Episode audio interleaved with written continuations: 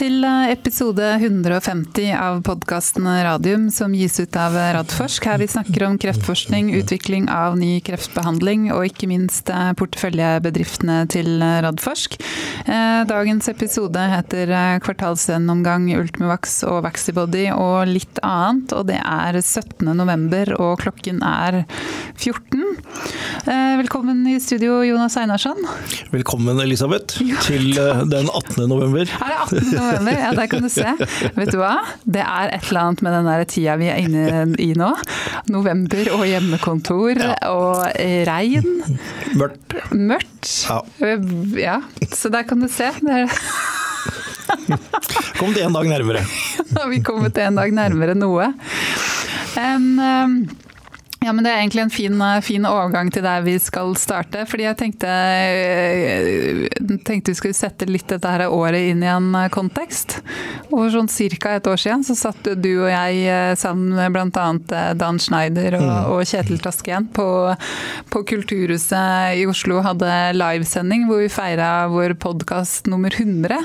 I dag er det podkast nummer 150. Ja, litt annerledes feiring. Litt annerledes feiring, kan man trygt ja. si. Og det er, Hvis noen syns at jeg ler mye nå, så kan jeg love å si at dette her er litt sånn, litt sånn galgenhumor. Ja da, det er det. Vi må jo prøve å holde, holde humøret oppe. Men ja. Eh, det er jo ikke like lett uh, hele tida. Uh, men uh, vi må konsentrere oss om det som er, er lyspunktene, selv om vi nå er inne i en veldig alvorlig del av pandemien i hele verden. Verst i USA, men, men, vi også strever nå med å klare å stoppe denne bølgen som er nå. Må jeg si at jeg måtte innom et supermarked i dag for å handle noe mat og til min store glede så så jeg ikke et eneste menneske uten munnbind. Nei. Så det er tydelig at folk, eh, stor del i hvert fall, tar dette på alvor nå. Mm. Det er liksom sånn hold ut en stund til, for de nye vaksinenyhetene er jo veldig positive, da. Ja, og det var det jeg tenkte vi skulle starte med. Det har jo da siste uka kommet nyheter både fra, fra Pfizer og Biontech på deres vaksine, og i dag kom det også resultater fra Moderna sin eh, vaksine. Og dette er jo begge to sånne mRNA-vaksiner. Kan ikke du si litt om det? Fordi her har jeg også sett litt at diskusjonen har begynt å gå litt i sosiale medier. At dette er litt eh, i hermetegn skumle vaksiner, mm. fordi de ikke har blitt testet ut på, på mennesker mm. før. Det er jo det de blir testet ut på nå, uh, for å se to ting. Uh, det ene får de den immunresponsen de ønsker seg, og så trigger dette til at kroppen lager de antistoffene som er i stand til å gjenkjenne covid-19, uh, og har det bivirkninger. Eh, og det første, at det skal gi de, den immunresponsen man har forventet seg, det trodde vel de fleste som er innenfor dette feltet at det ville skje. Eh, veldig positivt overrasket over at det var så solide tall som kommer ut. Og de som kom fra, fra Pfizer og Biontech i dag, det var jo den eh, oppdateringen på interimanalysen som kom, kom sist øker jo helt opp til 95% og av de tilfellene som er, er eh, registrert da, med, med, sykdom, så var det jo da 95 det er 162 hvis jeg husker tallet riktig, i de som hadde fått placebo, altså narremedisin, og ni i eh, de som hadde fått eh, vaksine. Og i tillegg så var det delt inn nå at det var ni alvorlige tilfeller i placebogruppen, og bare én i, i den som hadde fått vaksinen. Så det ser absolutt ut som om den virker. Eh, det den gjør, er jo at den programmerer celler i kroppen til å produsere små deler av eh, viruset. Og da har de jo konsentrert seg om disse spikesene, disse her eh, hakene som, er, som alle kjenner igjen når man ser tegningen av koronaviruset. Og de skal ikke være noen andre steder i kroppen, akkurat de proteindelene som man har sett det til nå. Og at det da lages antistoffer mot noe som ikke er i systemet, men som er fremmed når det kommer, altså covid-19. Det man kan være litt, litt engstelig for, og som man må være oppmerksom på også i langtidsoppfølgingen, det er hvordan immunsystemet reagerer når det først har fått denne, produsert disse, disse antistoffene, og så kommer covid-19 inn. og Så blir det da en immunreaksjon. Og Vil den immunreaksjonen bli sterkere enn det den til vanlig er med en vanlig vaksine, fordi dette er laget på en annen måte? Det kan man jo sette et spørsmålstegn ved, men så langt og så var det så vidt tallene, for de kom nå like før vi gikk i studio, men jeg tror det var 43 000 pasienter som er eh, er eh, inne i denne studien. Eh, og det var veldig lite bivirkning. Det var litt sånn, mer sånn typisk med litt hodepine og trøtthet eh, og sånn som du får mm. når, du, når, du, blir vaksinert generelt. Så, så, ja, dette er ny og upløyd mark. Man har forsket på dette i veldig, veldig mange år og mener å vite veldig mye. Men om det er noen langtidsbivirkninger som kan dukke opp senere, det vet vi ikke per i dag. Eh, men, men, vi kan ikke vente i to år til med å starte vaksinasjonsprogrammet, etter min mening. Så jeg mener det er helt riktig å, å sette i gang nå og vaksinere så fort som mulig. Ja. Og så er det jo ikke noe sånn at mRNA er, er noe skummelt. Det er jo noe som er naturlig i kroppen ja, vår. Det er jo forkortelse for messenger-RNA, som er det som kopierer fra altså den proteinbiten, altså det er spike-proteinet ja. i dette tilfellet, fra, fra DNA. Ja. Den budbringeren, ikke sant. Ja, og det er det som skjer i cellene våre. ikke sant? Det er DNA-et som da gir beskjed til mRNA at nå skal dere kode for at cellen skal begynne å produsere dette proteinet eller dette proteinet. Så det er ikke sånn at vi setter i gang noen nye prosesser eller gjør noe sånn genetisk Nei. Eh, forandring eller noe sånt noe. Vi griper inn i det som er en naturlig prosess fra før. På samme måte som når vi vaksinerer for, vaksinerer for influensa. Da gjør vi det litt annerledes. Da setter vi inn deler av viruset som er svekka eller er dødt, men, men eh, utviklet over lang tid. Og så skal det tiltrekke seg da eh, disse cellene i immunsystemet som lager det. Så det er egentlig, egentlig en litt smartere måte å vaksinere på. Eh, og, og, hvorfor det skulle være farligere enn det andre, det har jeg vanskelig for å forstå. i hvert fall. Men for all del, jeg, jeg, selv om jeg er lege, så er jeg legmann på dette området. Men det, men eh, det, jeg har klart å lese meg til, så føler jeg meg trygg på at, at dette bør man sette i gang. Jeg tenker I forhold til de fleste andre, så er du ganske ekspert, så det kan du få lov til å, trygt få lov til å si. Um, det, det, som jeg har sett er litt uh, forskjellen på disse vaksinene, er jo opp oppbevaring, for det har jo litt med distribusjon og hvem som får disse vaksinene først. Det har vært litt diskusjoner om det. Eh, Pfizer sin vaksine må lagres på minus 70 grader mm. og noen dager i kjøleskapstemperatur. Mens det kommer nyheter i dag fra den moderne vaksinen at den kan da lagres på minus 20 grader, og så kan den være var det 30 dager vi så på kjøleskapstemperatur. Ja. ja. Og, og, de må settes uh, i to doser. Ja. Og det, det, alt dette dette sier jo bare at hvis vi hadde utviklet dette som en vanlig vaksine og brukt veldig lang tid, så ville man løst begge disse problemene. Forsøkt å gjøre det før man gikk på markedet. Med én dose, og med helst da oppbevaring, sånn som du kjenner til influensavaksinen, den oppvarer man i kjøleskapet. Mm. Og Det tror jeg kan komme til å komme, for dette tror jeg er teknologi de klarer å, å løse. Men det har vi ikke tid til å løse nå under, underveis. Men det er klart, det er en utfordring i forhold til logistikken, og spesielt i, i ikke-vestlige land, mm. hvor, hvor logistikk kanskje kanskje kan være litt vanskeligere. Mm. Og så sier man da at da er det noe sånn nok en gang at vi rike her i Vesten får vaksinen først, og, og Afrika og andre steder får det senere? Eh, ja, eh, det kommer nok til å skje denne gangen også. Men heldigvis denne gangen altså, er det jo faktisk de landene som er minst utsatt for, for så langt i hvert fall. Så det er noen utfordringer igjen, men, men vi kan ikke vente på å løse de nå. Nei. Men det er veldig godt nytt i hvert fall, og det er greit å, å ta med seg. Um, vi kan eh, vi, eh, vi tar en litt sånn annerledes eh, podkast i dag. fordi det, har, det, som har skjedd siden sist, er også det vi bruker tida på i dag. Mm. Så det flytter litt over i hverandre. Ja. Men jeg tenker vi kan begynne med PC Biotech. Vi hadde jo da Per og Ronny besøk studio forrige uke, hvor de da snakket om sin kvartalspresentasjon, tredje kvartalspresentasjon. Og de har jo da nå fått innvilget et europeisk patent for da denne behandlingen du utvikler mot mm. gallegangs livmorhalskreft. og det Patentet gjelder nå i første omgang i Europa og gir beskyttelse ut 2037. og Så venter de fremdeles på tilbakemelding på patentene som de har søkt i både USA og Asia. Mm. Um, hva tenker du, hvor, eller hvor viktig er dette patentet nå med den lange patenteringstiden? Det er kjempeviktig. Eh, fordi det det som eh, man regner på, enten man er analytiker eller, eller, Big Pharma eller investor, det er jo hvor lenge vil man ha et monopol på markedet etter at produktet er kommet, eh, kommet ut. Eh, og Det hadde jo Orphan Drug Designation, så selv om det tar kortere eller lengre tid, så vet man jo der at, hvor mange år man har det.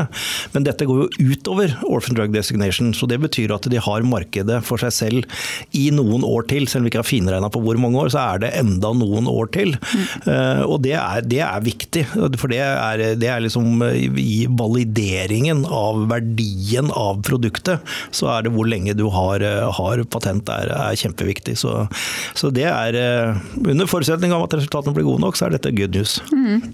Også nå som vi har på en måte hatt en uke på oss, og liksom de resultatene, eller i hvert fall den informasjonen om, om spesielt release-studien som vi snakket mye om forrige uke, det har sunket litt inn. Hva, hva tenker du om, om hvor PCI står nå? Jeg tenker at de har gjort veldig mye riktig. Eh, og så kan man si, som jeg har fått spørsmål om, hvorfor gjorde de ikke dette tidligere? Eh, og Det tror jeg vi forsøkte å forklare. At man lager protokoller som man mener er til det beste for å få de beste resultatene, men man må også se hvor mange pasienter man får inn med den protokollen. Eh, og Det er jo nettopp det at de har gått, gått igjennom alle screeningloggene og sett hva er det vi kan gjøre som ikke går utover resultatet, men som kan øke antallet pasienter. Det tror jeg de har gjort en veldig god jobb på. Mm. Og De gikk ganske nøye gjennom hva det var de hadde gjort, og det hørtes veldig fornuftig ut, det de, det de hadde gjort også. Bl.a. dette med metastaser. Det er klart at Hvis pasienten har så mye metastaser at pasienten dør uansett av metastasene før man får målt hvor lenge gallegangen holdes åpen, så vil jo det svekke resultatene. Men, men det fins en mellomting, og den har de antagelig kommet frem til der. Mm. Så jeg syns det er positivt. Eh, jeg syns eh, Asia er veldig, veldig spennende. og eh, prøvde å spørre litt om type sites, om det er mer sånne nasjonale store sentre og sånn. og Det bekreftet jo Per i at det var to stykker i Seoul som jo er en kjempediger by. Og hvis de, med den prevalensen som er der, så er det en fair sjanse, tenker jeg, at de kan virkelig klare å øke inkluderingstakta. Og så henger covid-19 over der som et uh, usikre uh, sak hele tiden. Mm. Uh, og det, men det gjelder jo alle selskapene. Så nei, jeg, jeg, føler at de har gjort, uh, gjort mye, mye, riktig. Og det blir jo kjempespennende å, å se, men, men, vi får jo ikke vite annet enn en, ja, første pasient do, dosert i USA er vel det de eneste de kommer til å melde, og ikke si noe om inkluderingstakten underveis. Så da får vi stole på, tenker jeg, på, på at de måler de på at de beholder guidingen selv om den nå er over et helt år. Mm. Så usikkerheten vil være der eh, til vi vet noe mer. Mm. Ja, og så tenker jeg sånn der, det, det, spørsmålet i forhold til hvorfor har de ikke gjort noe tidligere. Det er jo ikke sikkert at de hadde trengt å gjort dette pga. pandemi. Altså, jeg tenker jo dette her, altså Akkurat PSI Biotech virker som de er veldig utsatt for koronapandemien. Fordi de driver utvikling i form av en veldig sjelden sykdom. Så de må åpne veldig mange sites i veldig mange land, og de må være i kontakt med utrolig mange utprøvere. Det er jo ikke snakk om å åpne en site, og så skal du hente inn en, si en 20 pasienter, da, som du kanskje kan forvente på ett sykehus. Nei. Jeg tror du har rett i det, men det er jo det vi håper at de kanskje løser litt da, med disse asiatiske sitesene, hvis det er, mhm. er riktig at de har større tilgang på, på, pasienter. Ja, og der også virker det som et sted hvor nå korona er litt mer eh, ja, eh, kontroll på foreløpig. Og at de klarer å liksom holde, holde hjulene i gang. Ja. Eh, jeg var i hvert fall veldig imponert i forhold til hva de fortalte om de grepene de har gjort. Så ja, det blir morsomt å følge med videre. Kjempespennende. Um, Og så har vi Photocure som melder da at de nå har eh, dosert første pasienten da i den globale fase 3-studien av Sivira, som er lisensiert til Asieris. Eh, og de også hadde jo sin Q3-rapport forrige uke hvor Dan fikk dette spørsmålet, når skjer det? Snart, sa han. Snart, sa han, og det hadde han jo veldig, veldig rett ut. Og det utløser jo da en milepælsutbetaling, den er vel på omtrent er det 15 millioner kroner? Ja, Erik har oppgitt 1,5 million dollar. Ja. Så det litt under det. Ja, litt sånn men, men det, er, det, er penger på bunnlinja. Ja, absolutt. Um, vi skal ha med de i studio neste uke for å snakke mer om Photocure og høre, de høre ting direkte fra dem. Um, jeg har litt sånn inntrykk av at de leverer sånn som de skal. Er det noe spesielt du tenker at vi bør snakke med dem om neste uke? Er det noe du er nysgjerrig på nå? Ja, jeg er det. Altså, jeg er veldig nysgjerrig på to ting. Det ene er hvordan ser det ut på innsiden av disse spesialiserte sykehusene i USA nå? Er de up and running? Er de, er, er, er de påvirka av covid-19? Har man måttet stenge ned vanlige rutineundersøkelser igjen pga. den altså Jeg skal ikke si tre bølgene i USA, det er jo bare, det er jo bare bølga. En massiv bølge. Eh, hele, hele tiden. Så spørsmålet er er det robust nok, det de har bygd opp, for å sikre disse eh, institusjonene så de får gjort jobben sin. Eh, det har vært eh, spennende å høre hva, hva den mener om det.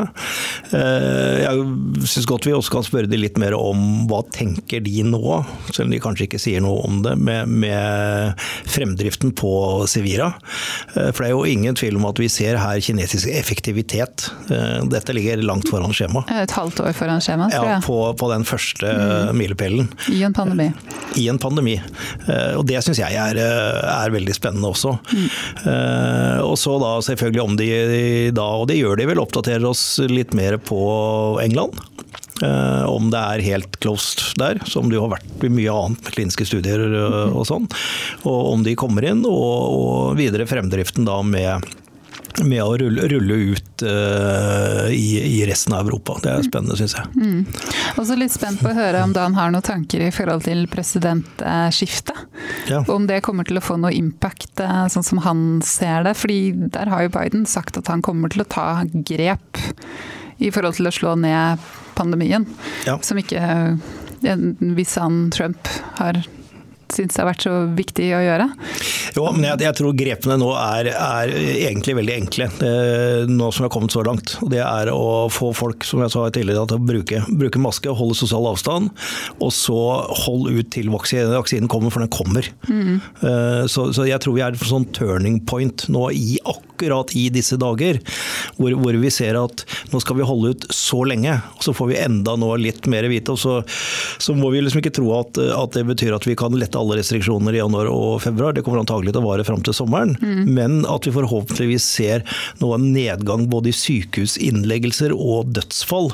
Selv om kanskje smitten fortsetter å øke en stund når vi starter vaksineringen. Mm. Så Det er liksom tall som blir eh, spennende å, å følge med på. Jeg tror det jeg tror sånn, USA vil trekke et lettelsens sukk 20.1 eh, klokken 12 og så vite at da, da, da er liksom denne, denne, perioden over, og nå kan man, og samtidig kommer vaksinen ikke sant, omtrent samtidig. Mm. Så da kan det bli en sånn brette opp erma, og så nå skal vi tilbake til, til normalen. Både hva gjelder politikk, Twitter og pandemi. Det er lov å håpe? Det er lov å håpe.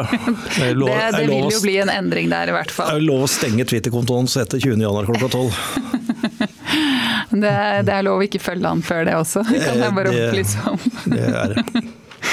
Um, ja, men det blir, det blir spennende å, å, høre nærmere fra de neste uke. Vi kan da gå videre til Vaxibody, som også har lagt ut sin eh, Q3-rapport. Men de har da ikke holdt noen presentasjon?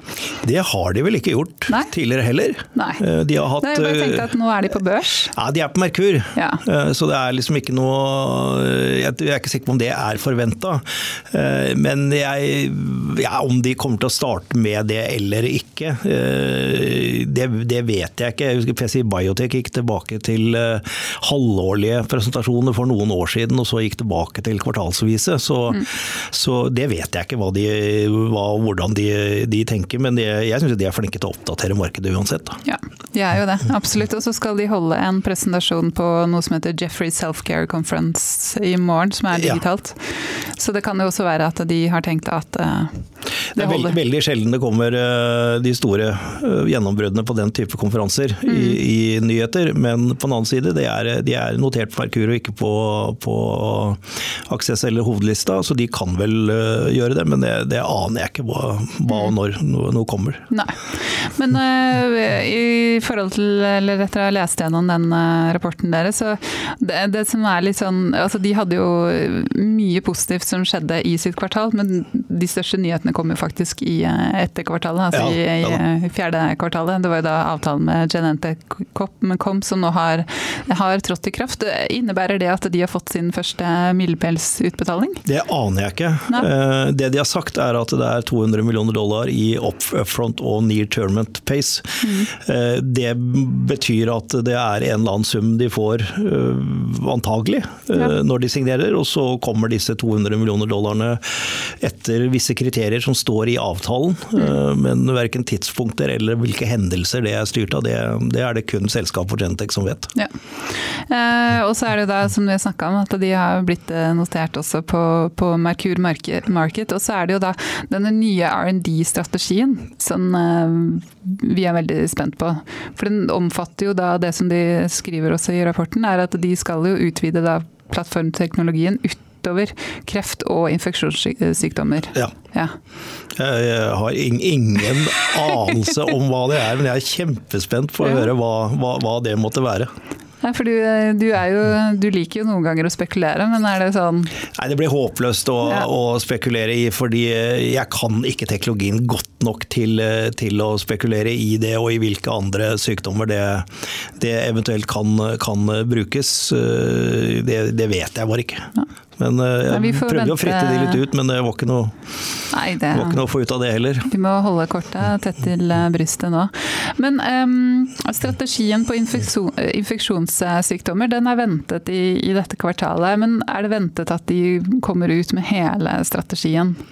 Nei, det jeg har klart å oppfatte er at det er eh, at de ansatte ny mann på infeksjonssiden, og de har sagt at de har mye spennende prekliniske kliniske resultater, og at de skal informere markedet om strategien for infeksjonssykdommer. Eh, og, hvis jeg har forstått riktig, si noe om andre sykdomsområder. Men at de ruller ut noe full strategi, det ville overraska meg. Ja. Det er jo mye å gjøre ja, på så ja. kort tid. Og de har jo vært også flinke tidligere til å si at det viktigste på en måte er jo nå altså gå inn i den tankebobla og ja. gjøre de viktige strategiske grepene, og ikke at det gjøres eh, så fort. Men eh, strategien på infeksjonssykdommer blir det veldig spennende å se ja. På, på kort tid. Um, hvis vi ser litt på de tingene som de da meldte i, uh, i Q3, så har de da dosert første pasient i sin fase 2-studie i avansert livmorhalskreft, der de da samarbeider med Roche, mm -hmm. mm, med, sin, med, deres sjekkpunkthemmer og, og Vaxibody sin vaksine. Ikke den persontilpassa, men den første utvikla. Ja. Uh, og i tillegg så har du jo også dosert første pasient. Um, da med den persontilpassa uh, vaksinen, men da sammen med Nektar sin, som jeg aldri klarer å uttale, så nå sier jeg bare forkortelsen, NKTR214. Mm -hmm. mm, som er den, den skal liksom forsterke effekten ja. av den persontilpassa Kombinasjon av to immunterapi, så det er også spennende å se hva de får ut av det. Ja. Og en sjekkpunkthemmer har de også med i den ja. Eh, studien. Det er da en hode-nakkekreft. Eh, og så I tillegg så meldte de jo at de hadde innrullert alle pasientene i den fase 1-studien på persontilpassa. Ja. Mm. Mm. Så bra, bra, framgang klinisk, absolutt. Mm. De er vel i, i, i, rute i forhold til det de har tenkt, eh, så langt jeg kan forstå. Mm.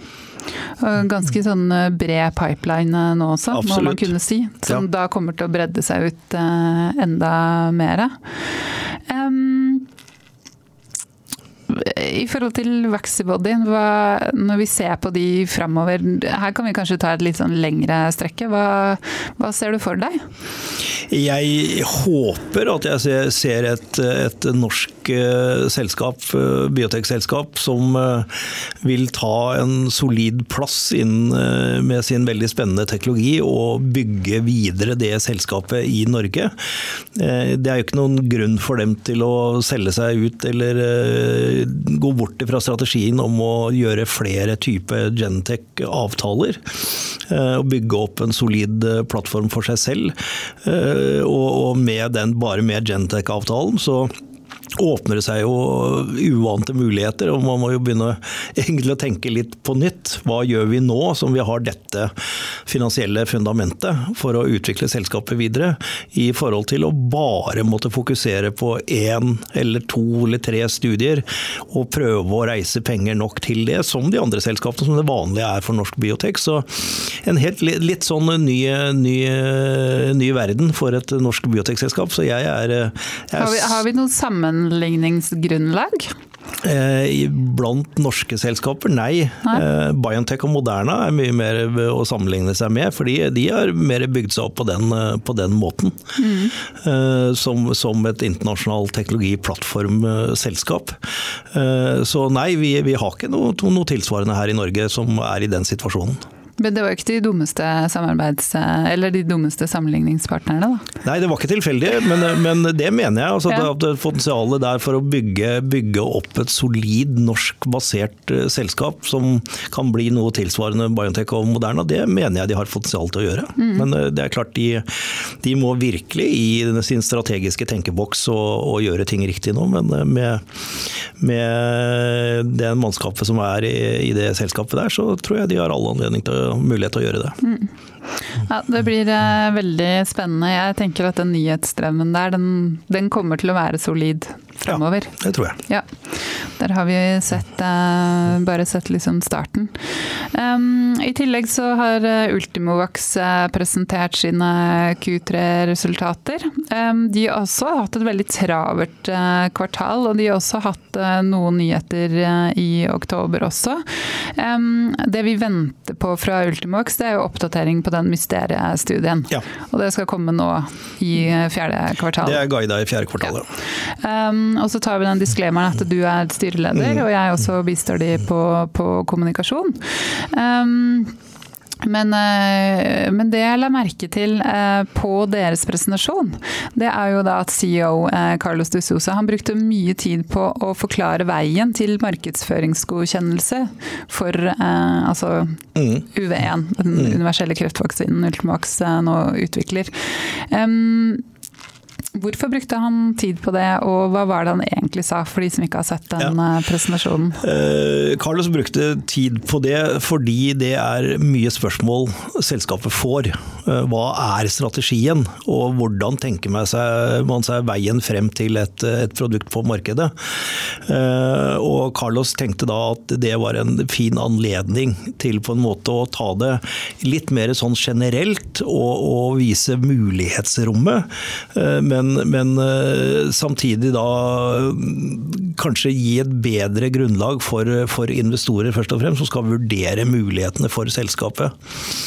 Eh, og det han sa var at strategien til, til eh, Ultimovax er å skaffe seg en så solid og god datapakke man kan for å vurdere mulighetene for å få et produkt på markedet i en eller flere indikasjoner. Og det er det de randomiserte studiene skal gjøre. Eh, så sier ikke han at dette er vi skal feile når vi får fra den ene eller den andre eller tredje studiet, men han sier at da skal vi gå til FDA og si at her er dataene våre. Mm. Kan vi diskutere veien videre? Det kan potensielt være en, en foreløpig godkjenning. Men det kan man ikke si i dag. Men hvis man når alle endepunkter, så er det én mulighet. Og så er han også tydelig på at han også ønsker å presentere de dataene for samarbeids, potensielle samarbeidspartnere. Mm. Og at han allerede nå snakker med potensielle samarbeidspartnere eh, for å se om eh, vi, hvordan vi skal gå videre. Fordi selv om vi får conditional approval, altså en foreløpig godkjenning, løsning, så skal det gjennomføres en stor fase 3-studie. Ja. Og hvordan skal man finansiere den? Skal man da inngå et partnerskap, eller skal man hente inn penger til det? Og han er veldig tydelig på at for Ultimovax så er strategien vi holder alt åpent, men vi jobber for å få en solid og god partner. Det er ikke det låst opp til at vi må ha det, mm. men det er en god løsning, og det kommer de til å jobbe, jobbe for. Mm. Um, så det de har, eh, altså har vist i, i, Q3 så langt, det er jo da i forhold til Initium-studien, så kom de oppdatert oppdaterte de nå med at de har innrullert eh, tolv pasienter. Mm -hmm. um, dette er jo Ultimax sin egen studie ja. i mm, altså, ondarta føflekkreft med spedning, blir det vel på norsk, hvis ja. man eh, oversetter malignt melanom med metastaser.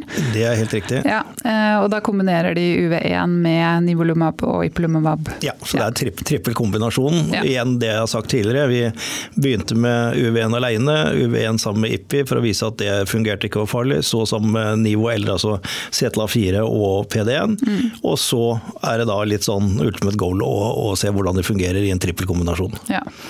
Um, og så er det jo NIPU-studien som drives av uh, Oslo universitetssykehus og Åslaug Helland i ja. mesoteliom, hvor da det har samme kombinasjonen som, uh, som i uh, Initium-studien. Og der har de innrullert nå seks pasienter, og det er vel alle her på Radiumhospitalet. Hvis jeg skjønte det riktig? For da har ikke de åpna de andre sitesene ennå? Jeg, jeg, tror det er, jeg må tenke på men jeg, jeg, tror det er riktig. Ja, Men de meldte nå også at de åpnet eh, andre sites. For den, selv om den drives av OS, så er det jo da en internasjonal ja, absolutt, studie. Absolutt. Mm. Og så har de jo også vist til eh, resultatet fra den eh, ene fase 1-studien de har gjort med kombinasjon med pembrolizumab i eh, føflekkreft. Um, og de hadde veldig solide det de kaller top line data, for det betyr vel at eh, hele datapakka kommer senere på ja. en uh, på ja. en konferanse. Det er det vi kan gjøre. Vi kan komme med topline-data uten å ødelegge for muligheten for forskeren forskerne til å publisere. Ja, ikke sant. Så har du liksom den avveiningen ja. der. Um, men i hvert fall resultatene da etter tolv måneder var at 85% av pasientene var i live, og at man ikke hadde nådd da, den median progresjonsfri overlevelsen. Ja. Mm. Uh, og så har de også um, publisert, uh, eller gått ut med resultater fra lungekreftstudien. Ja.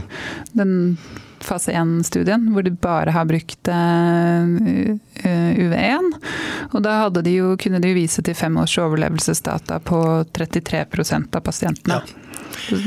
Og, ja, og, så får man lese resultatene som det de er. Det er, det er egentlig litt håpløst å, å sammenligne med historiske data. fordi da, hvis man i dag sammenligner med For nå, nå bruker man jo immunterapi der, men da, da, brukte man ikke det. Da var det bare kjemoterapi. Mm. Uh, og da var jo overlevelsen etter fem år med bare kjemoterapi var jo nærmest null, altså eller under fem, som er, er det korrekte måten å, å, si det på. Så, men igjen, veldig små, små tall. Men, men uh, legger sammen alle dataene som har kommet fra Ultimox fra dag én, så syns jeg man kan si at liksom, de, de peker i retning av at denne vaksinen har noe for seg, mm. og kan ha en klinisk effekt for pasientene. og Det er jo det vi nå er ute og skal vise i de randomiserte studiene. Mm. Um, og så meldte, eller sa de også nå i Q3 at de har nå fått på plass de regulatoriske godkjennelsene som gjør at de kan starte en ny fase 1-studie som de kaller TENDU. Ja. Um, og det er jo da en studie som skal gå på Radiumhospitalet, fase 1-studie, ja. på en helt ny vaksine. En prostatakreftvaksine. Ja, altså Det vi skal teste ut, det er TET-teknologien mm. som, som TENDU er. Og det er altså en ny teknologi for å koble peptidvaksiner sammen med adjuvanten å få det til å bli eh, bare, bare én, ett shot, én medisin, som er både adjuvans og peptide. Eh, og så hadde, da, da når vi kjøpte den teknologien, så hadde de utviklet da disse prostatapeptidene som kan brukes til dette. Men vi, vi skal på ingen måte se etter effekt i det hele tatt på dette, for det, det vet vi ikke og, og, kan ikke se på, på, dette. Dette er for å se om det går an til å koble sammen en peptidvaksine med denne TET-teknologien og få de riktige immunresponsene, og at det ikke er farlig å bruke. Og så sier Ultimovac, så kommer vi senere ut med hele da, strategien for hvordan denne teknologiplattformen skal utvikles. Så, så, dette er proof of concept, at, vi, at det oppfører seg i mennesket som det gjør i museforsøkene. Og så, hvis man får ja på det, så må Ultimovax rulle ut sin strategi for hvordan denne teknologien skal brukes. Men eh, ordet eh, mot en profylaktisk vaksine jo, har, har vi brukt. Eh, og det er jo en målsetning. Men hvordan vi eventuelt skal komme dit, hvor lang tid det tar, hvordan det skal gjøres, det må vi komme tilbake til. Mm. Men eh, da fikk jeg mange spørsmål i hodet samtidig, så bare, bare sortere de. For det, for det at man da går i spesifikt i en kreftform, det betyr ikke at man skal begynne med å utvikle vaksiner vaksiner mot ulike kreftformer? Nei. Nei. Det, det, var spesielt her, kun for å teste ut den teknologien? Ja, vi hadde, vi hadde disse peptidene, mm. og, som er testa ut i, i, mus Vi har en preklinisk pakke med disse peptidene og T-teknologien. og Da er det helt naturlig å bruke den pakka til å teste ut i mennesker. Hvis ikke så mm. måtte vi starta med masse preklinikk nå og vente, vente, med det. Så for å teste ut konseptet, ja. så, så går vi der. Hvor vi skal gå inn senere, hvordan det skal være, det, det, det må vi komme tilbake til. Og det er mye, mye opp til hva som foregår i, i hodet til Sara Mangsbo. Ja. Ja, for hun er, da eh, svensk eh, forsker. Ja. Hun startet flere selskaper, eh, faktisk. Ja da. Ja, og så fikk hun nettopp en sånn pris, var det fra Uppsala universitet, hvor ja. hun er ansatt? Ja. Hun er jo en fremdragende dyktig forsker som sprudler over av, av nye ideer og, og, virkelig brenner for den teknologien. Så, så det med å ha henne i, i førersetet for det vitenskapelige der, det er, det er, veldig bra. Ja, men det er gøy. Um, Ok, Så det vi ser fremover nå i forhold til Ultimavax, det er da uh, mysteriestudien først og fremst, ja. og så er det da sikkerhet. Ja. Uh, ja. Og så får vi holde et øye med at vi klarer å drive studiene fremover på, på riktig måte. Ja. Det gjelder jo også for, for resten av selskapene. Um, Eh, et selskap eh, til som vi skal prate om før vi går inn for landing, det er Nordic eh, Nanovektor. De har sin presentasjon i morgen klokken halv ni. Ja. Men vi har fått inn et lytterspørsmål som jeg tenker vi kan egentlig bare bruke litt sånn for å snakke, snakke rundt det. For det første så lurer lytteren på om vi har planer om å snakke mer med Nordic Nanovektor i etterkant av denne. Og der er det litt sånn at det er jo ikke alltid det er så mye spennende spennende som kommer i kvartalspresentasjonene. Så er ikke alltid vi tenker at det er, eh, er, nødvendig å gjøre. Så det tenker jeg avhenger litt av resultatene og litt av tida vi har før jul også. Ja. ja rett og slett. Um, men så skriver uh, lytteren videre at det, vi, det han uh, lurer på i forhold til Nå er jo status for selskapet. Plan videre, framdriftsplan, kapitalbehov, om de ser for seg en emisjon, eller om de har kontakt med Big Pharma. Han lurer også på konkurrenter. Eh, for som han sier, når ting tar litt tid nå, hva med, hva med konkurrerende eh, behandlinger som blir utviklet? Eh, og så til slutt var liksom tusenkronersspørsmålet. Skal vi fortsatt ha tro på selskapet sett i lys av det å være aksjonær? Hvis vi, det, hvis vi, venter litt med det siste spørsmålet, men tar de andre først, hva Nei, jeg, jeg, Hva tenker du? Jeg tenker at eh, det jeg helst vil høre, er at uh, inklusjonen i paradigmet har uh, tatt seg opp. Og at man kan holde de tidslinjene som man har antydet. Det tror jeg vil være det aller viktigste. For, for det er resultatet av, av, den studien som er utrolig viktig for å, for å få et sånn value inflection point. Altså å se at verdien er der fordi det er gode resultater. Så jeg tror det er det, det, det, aller viktigste for meg, i hvert fall. Er, er å forhåpentligvis bli litt beroliget på det. Eh, om, Men kan jeg bare stoppe deg da? Ja. Er, det, er, det, naturlig å tro at de allerede skal se en effekt av de uh, tilleggene de har gjort til protokollen for Q3? Altså Q3 går jo da fram til 1.10, og ja. de tilleggene, hvor fort har de fått de rullert inn, lurer jeg da på? Ja, Det har vi vel ikke fått konkret på samme måte som vi fikk fra PCI. Der fikk vi jo vite nå at de, alle amendmenta stort sett var, mm. var godkjent. Jeg er usikker på det. På om akkurat liksom om, tallet med antall inkluderte skal liksom gi oss en sånn wow-opplevelse. Det, det har vært veldig hyggelig, men det er jeg mer usikker på. Eh, men jeg vil, gjerne, vil gjerne, høre litt sånn beroligende ord om at eh, nå er det vi har kommet så langt der, og vi har gjort så mye der, og vi ser en, en økende interesse. At, er, eh, at, man kan bli litt beroliget på akkurat på det, da, for det er liksom den største usikkerhetsfaktoren. Mm. Og, da, og, det tenker jeg det kommer de jo til å adressere. Ja. Ja, de, de, vet jo det, hva som er på en måte usikkerhetspunktene. Jeg, jeg tenker jo i, i, forhold til de tingene som lytteren lurer på her, så er det vel de kommer vel ikke til å si noe om en emisjon eller om de har kontakt med Big Pharma. Nei. For det det de kan de jo ikke si Nei, før de på en måte har det. Det kommer de ikke, ikke til å kommentere. Nei. Men eh, kapitalbehov det kommer til å komme fram i forhold til ja. hvor langt eh, de har penger. Og Så var det ett poeng til uh, lytteren hadde, som er veldig godt, og det er konkurransesituasjonen. Mm. Jeg håper de kommer med en oppdatert konkurranseanalyse. For det er et helt viktig og riktig poeng at hvis Betalutin hadde vært markedet for tre år siden, så hadde konkurransesituasjonen vært veldig bra. Det vet vi jo fra den tiden, men det er den jo ikke. Mm.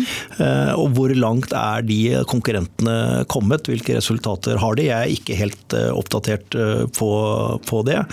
Eh, og det må man jo analysere som investor også, og se hvor, hvor, hvor stor blir konkurransen der. Og ikke minst hva er fortrinnene ved, ved betalutin i forhold til de andre. Mm. Først se på dataene, og så si at dataene er bedre, dårligere eller like gode. Og så se ok, men er det andre fordeler, ulemper med å bruke betalutin eller noen av de andre? Og det, det er det jo. Mm. Og så må man veie det opp mot hverandre. Hvis jeg husker riktig, så er det vel særlig den sikkerhetsprofilen, altså bivirkningsprofilen til betalutin, ja. som har vist seg å være mye snillere? De, de, de har en altså, de, Jeg tror fortsatt at betalutin er et godt produkt å komme på markedet. Mm. Det har så langt vist gode resultater, og forutsetter vi at resultatene blir minst like gode i paradigmestudien, så har de minst like god effekt som konkurrentene. Kanskje bedre, det vet vi ikke enda. Eh, og så har de en veldig snill bivirkningsprofil, som du sier. Og så er det ikke minst dette compliance, altså det at pasienten kommer inn, for en infusjon og er ferdig behandla. Så de, de, har absolutt sine fortrinn når de skal gå ut og selge dette og si til legen at bruk dette, vårt produkt istedenfor dette andre. Så har de gode og vektige argumenter. Så, så jeg, jeg, har fortsatt stor tro på at betalotin blir et, eh, et produkt som kommer på markedet markedet. Mm. Det, men for å besvare da siste, unnskyld, siste spørsmålet. Har du da også tro på, på selskapet? Ja, Det eneste jeg kan si om det, er at da får man følge med på aksjonærlistene og, og se om uh, hva Radforsk gjør. Uh, og hittil så har vi sittet stille i båten. Mm. Har ingen planer om å gjøre noe, gjøre noe annet. Men uh, hva andre investorer tenker, og om man skal investere i det ene selskapet eller det andre, det skal ikke jeg mene noen ting om. Nei. Og du har din portefølje, og har, andre, andre får, får, ha sin? Ja, og så er vi i en helt annen situasjon enn veldig mange andre investorer. I, i og med at vi er evergreen. Vi, vi, kan ha så lang horisont vi egentlig nesten bare vil. Mm. Vi kan ha oss det privilegium at vi kan selge egentlig bare når vi trenger å investere i nye selskaper eller uh, følge emisjoner. Uh, og sitte på, på fossene våre så lenge som overhodet mulig. og Det er jo en svært privilegert situasjon i forhold til en privat investor, og kanskje andre som også da forvalter andres penger. Vi forvalter jo bare Radforsk egne penger, så, så, vi skal være veldig forsiktige med å, å, gi råd til det, for det er en helt annen verden enn det vi lever i. Vi er veldig privilegert. Men, men, for å ta det, hvis jeg kan heller gå litt eh, ut i kontekst igjen, da. Sånn sett i forhold til at man nå eh, Vi er, vi er en pandemi. Eh, det gjør jo at det påvirker påvirker de kliniske studiene i form av at folk blir så syke at de må inn på sykehusene og opptar ressurser der. Men samtidig så viser den jo også, også behovet altså Et ekstremt behov for ny behandling. Ja. Eh, altså hvor sårbare vi mennesker er. Altså helse er jo en av disse megatrendene ikke sant? Som, som uh, man sier. Um, er, det no, er det noen grunn til å ha mer eller mindre tålmodighet med biotek. Altså Biotek har disse lange utviklingsløpene mm. uansett, så det forandrer seg jo ikke med, med pandemien. Eh, men ting tar kanskje enda lengre tid. Men er ikke det noe som slår inn ganske likt? Altså, jeg, jeg, tenker at eh, det å investere i helse og det å investere i bioteknologi, og spesielt da innenfor de områdene hvor vi har størst utfordringer, nemlig pandemier, infeksjonssykdommer, kreft, alderssykdommer som Alzheimer og, og demens, tror jeg er eh, både samfunnsnyttig, og jeg tror at det er, eh, er, områder som vil fortsette å vokse nesten uansett hva som ellers skjer. Og, og det at vi trenger å være, være, forberedt, som pandemisituasjonen viser nå, tror jeg også vil føre til at vi er for litt ettertanke når pandemien forhåpentligvis blåser over. Eh, og så se da hvor mange mennesker som har faktisk dødd av pandemien. Og da begynne å titte litt på f.eks.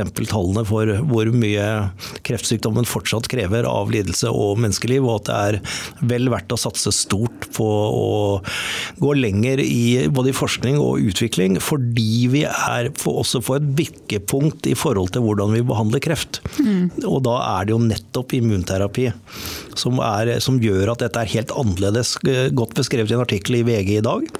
Det var akkurat det jeg drev og googla. Ja. fordi vi hadde jo invitert eh, inn en gjest i dag som ikke kunne komme fordi han hadde forelesninger på universitetet. Og det var jo da Åsmund Husabø Eiknes, ja.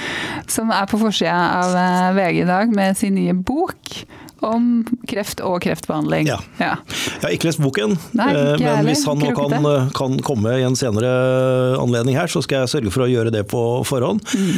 Eh, men han var bra sitert i den artikkelen i dag, og det er jo nettopp det han sier, at vi liksom har gått fra de tre pilarene i kreftbehandling, som jo har vært bare delvis vellykka tidligere, men for all del altså kirurgi og stråling og kjemoterapi er, er veldig viktig og kommer til å være der. Men, men fra så går 20 20 år tilbake i tid og ser fram til nå, så, så er vi jo der at vi kanskje er i ferd med å kunne gjøre en del kreftsykdommer som vi har sagt tidligere, om til kroniske sykdommer som man kan leve med, og kurere flere enn det vi gjorde tidligere. Og Det, det tror jeg er noe både myndigheter og, og, investorer vil være villige til å være med på, på den reisen. Så, så nei, jeg, jeg syns jo fortsatt bioteknologisektoren, og, spesielt innenfor onkologi, da, er, er veldig spennende, og at er, vi, har, vi, har, mye, mye igjen. Uh, ett, uh, Anbefal den artikkelen, ta ett sitat der fra den, hvis jeg husker det noe sånn top of my head. Men han ble liksom spurt eh, tror du nå at vi kommer så langt at eh, overskriften i VG kan være 'nå er kreftgåten løst'. Eh, og da sa han til min store glede det Nei. håper jeg jeg aldri ser den overskriften, for det, det, er ikke snakk om å løse en gåte. Det er snakk om å behandle en masse forskjellige typer kreftsykdommer. Og helt ned til at hver, eneste, hver enkelt pasient har sin egen kreftsykdom, og da er vi inne på personalisert medisin. som vi også er, er opptatt av. Så, så den, eh, den, boka tror jeg blir spennende å lese. Mm, ja, jeg gleder meg. Jeg har fått den tilsendt fra forlaget, så jeg må, men jeg må åpne den. Jeg kan ikke bare, kan ikke bare se på og lese, lese utapå. Um, men den uh, artikkelen i VG i dag kan også anbefales. Det var ja, veldig absolutt. god og grundig, mm. grundig artikkel. Um, har vi noe bevingende ord før vi, før vi går oss videre ut i Nei, vi skal gå ut i høstmørket og, og håpe på litt, eh, på litt kaldere, finere dager. Og kanskje til og med litt snø før jul, så det ser litt lysere ut. Mm. Og så holde fast ved at vi klarer vi nå å ikke få for store skader av pandemien de nærmeste månedene, så, så er det håp. Ja. Det syns jeg var bra. Vi får stå han av, er det ikke det de sier, eh, disse nordlendingene? Det gjør de. Har, ja. Min kone har familie i Finnmark, så vi er der ofte, og der, der står de han av. Ja, ja, Så bra. Da får vi også gjøre det. Vi bretter opp ermene og vasker hendene. Takk for i dag. Takk.